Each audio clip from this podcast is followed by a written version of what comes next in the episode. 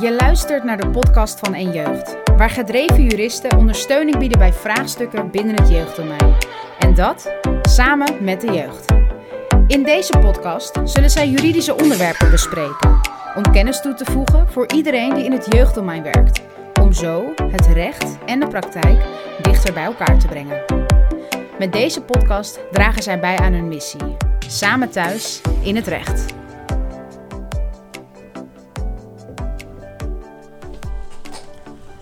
Welkom bij de tweede podcast van En Jeugd. Mijn naam is Esther Lam en ik zit hier met mijn collega Jolanda Huytema. In onze eerste podcast heb je kennis kunnen maken met En Jeugd en hebben wij verteld over onze missie Samen Thuis in het Recht. In deze tweede podcast willen wij een concrete juridische vraag beantwoorden. En de vraag luidt: Heeft een ouder zonder gezag recht op informatie? Um, Jolanda, jij hebt vorige week um, wel een professional en die had deze hier een vraag over. Kun je de vraag eens toelichten? Ja, dat klopt. Ja, er belde een professional, uh, want zij was gebeld door een vader zonder gezag. Uh, en die vader wilde graag informatie ontvangen van die professional over zijn kind. En uh, nou, ze wist dus dat hij geen gezag had, maar ze zat heel erg te twijfelen van ja, wat mag ik hem wel, mag ik hem wel iets geven aan informatie of niet?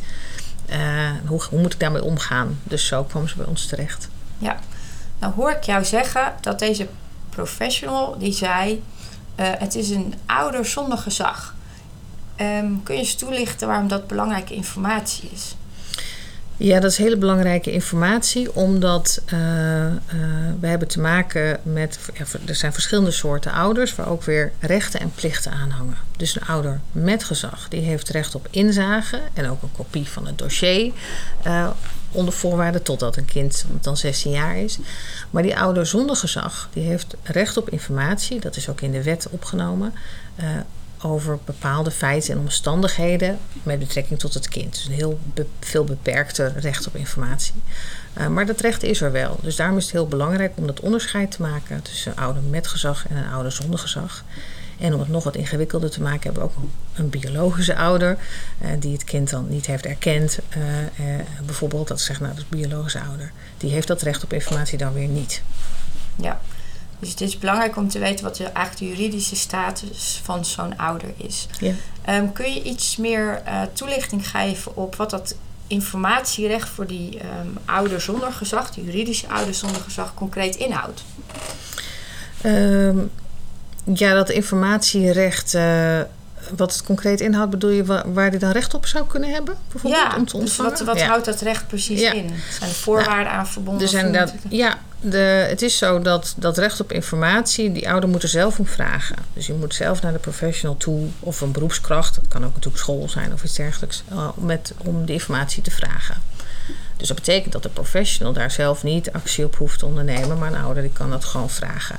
Um, dan als er informatie wordt gevraagd, dan, dan is het ook wel aan voorwaarden verbonden van hoe je dat dan, welke informatie je dan mag geven. En uh, die voorwaarde is dat het niet, de informatie die je geeft, niet in strijd mag zijn met het belang van het kind. En het mag ook niet informatie zijn uh, die je ook niet zou geven aan de ouder met gezag. Dus dat zijn wel de voorwaarden die daaraan zijn verbonden. Ja, dus als ik het even goed samenvat, um, we moeten zelf om vragen. Um, dus dat is een voorwaarde. En het belang van het kind mag zich er niet tegen verzetten. En het hoeft, mag, ja, je hoeft geen informatie te geven die je ook niet aan een ouder met gezag zou geven. Klopt, ja. ja. En um, nou had ik laatst, toevallig was er vorige week nog zo'n vraag, kwam er voorbij. En daar speelde in dat um, was ook een vader die vroeg om informatie. En daarvan had de moeder um, heel duidelijk gezegd: Ik geef geen toestemming voor het delen van informatie over het kind aan deze vader. Um, kun jij daar eens op reageren? Ja, dat speelde ook bij deze vraag. Uh, want de vader was uh, ja, bij de professional ook gekomen met de vraag om omdat die ouder met die moeder niet informatie wilde geven.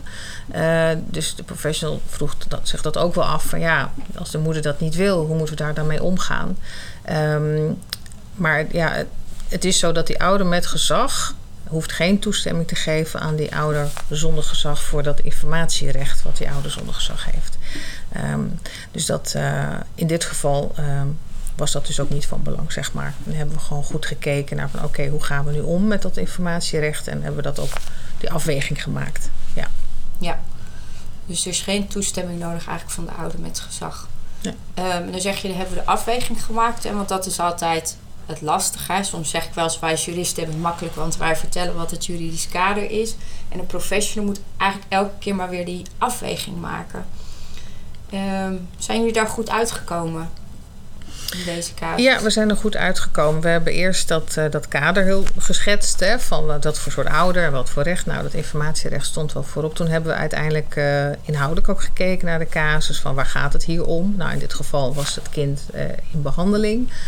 En ging het ook goed met het kind. nou, dat waren heel concreet twee punten die, ja, die onder het informatierecht vielen. En die dus ook konden worden verteld aan deze vader. Ja zien we eigenlijk samen die afweging daarin gemaakt. Ja. en het lastige is dat die per casus natuurlijk kan verschillen ja. over welke informatie daar dan wel of niet onder valt. Dus dat is de professionele afweging die je daar eigenlijk in moet maken. Ja, klopt. Ja. En ehm, ehm, ja, het blijft een lastig onderwerp, hè, want ehm, wij zeggen wel heel makkelijk, nou je moet even weten wat voor soort ouder dat is, maar dat is natuurlijk best wel een ingewikkeld onderwerp. ja, ja, dat, is, dat, dat klinkt allemaal wel heel makkelijk als we het nu ook zo zeggen. Van oh, juridische ouder zonder gezag. Maar dat is best wel heel complex. En, ehm, en uh, we hebben, nou ja, x aantal jaar geleden een ouderschapswijze gemaakt wij samen. Uh, om, omdat er toen, ja, die vragen die, die zijn er gewoon. Het is gewoon ingewikkeld met het familierecht en, dan, en, en de jeugdrecht erbij. Uh, dus we hebben met tekeningen proberen duidelijk te maken van met wat voor soort ouder hebben we te maken en wat hangt er dan aan rechten en plichten bij. Zodat je ook weet als professional hoe je ermee moet omgaan.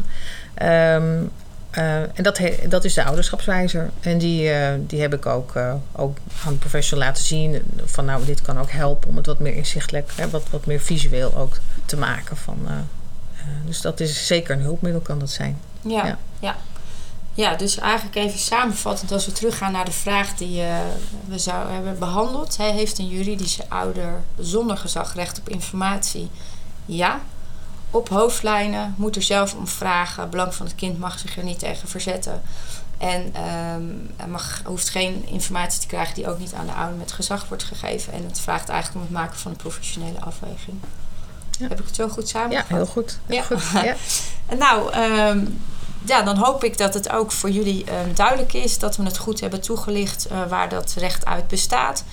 Um, en dat we op deze manier uh, bijgedragen aan onze missie uh, samen thuis in het recht. Dus graag tot een volgende keer. Bedankt voor het luisteren naar de podcast van En Jeugd. Heb je een vraag, wil je meer weten of heb je ideeën die je zou willen bespreken? Stuur dan een e-mail naar info.enjeugd.nl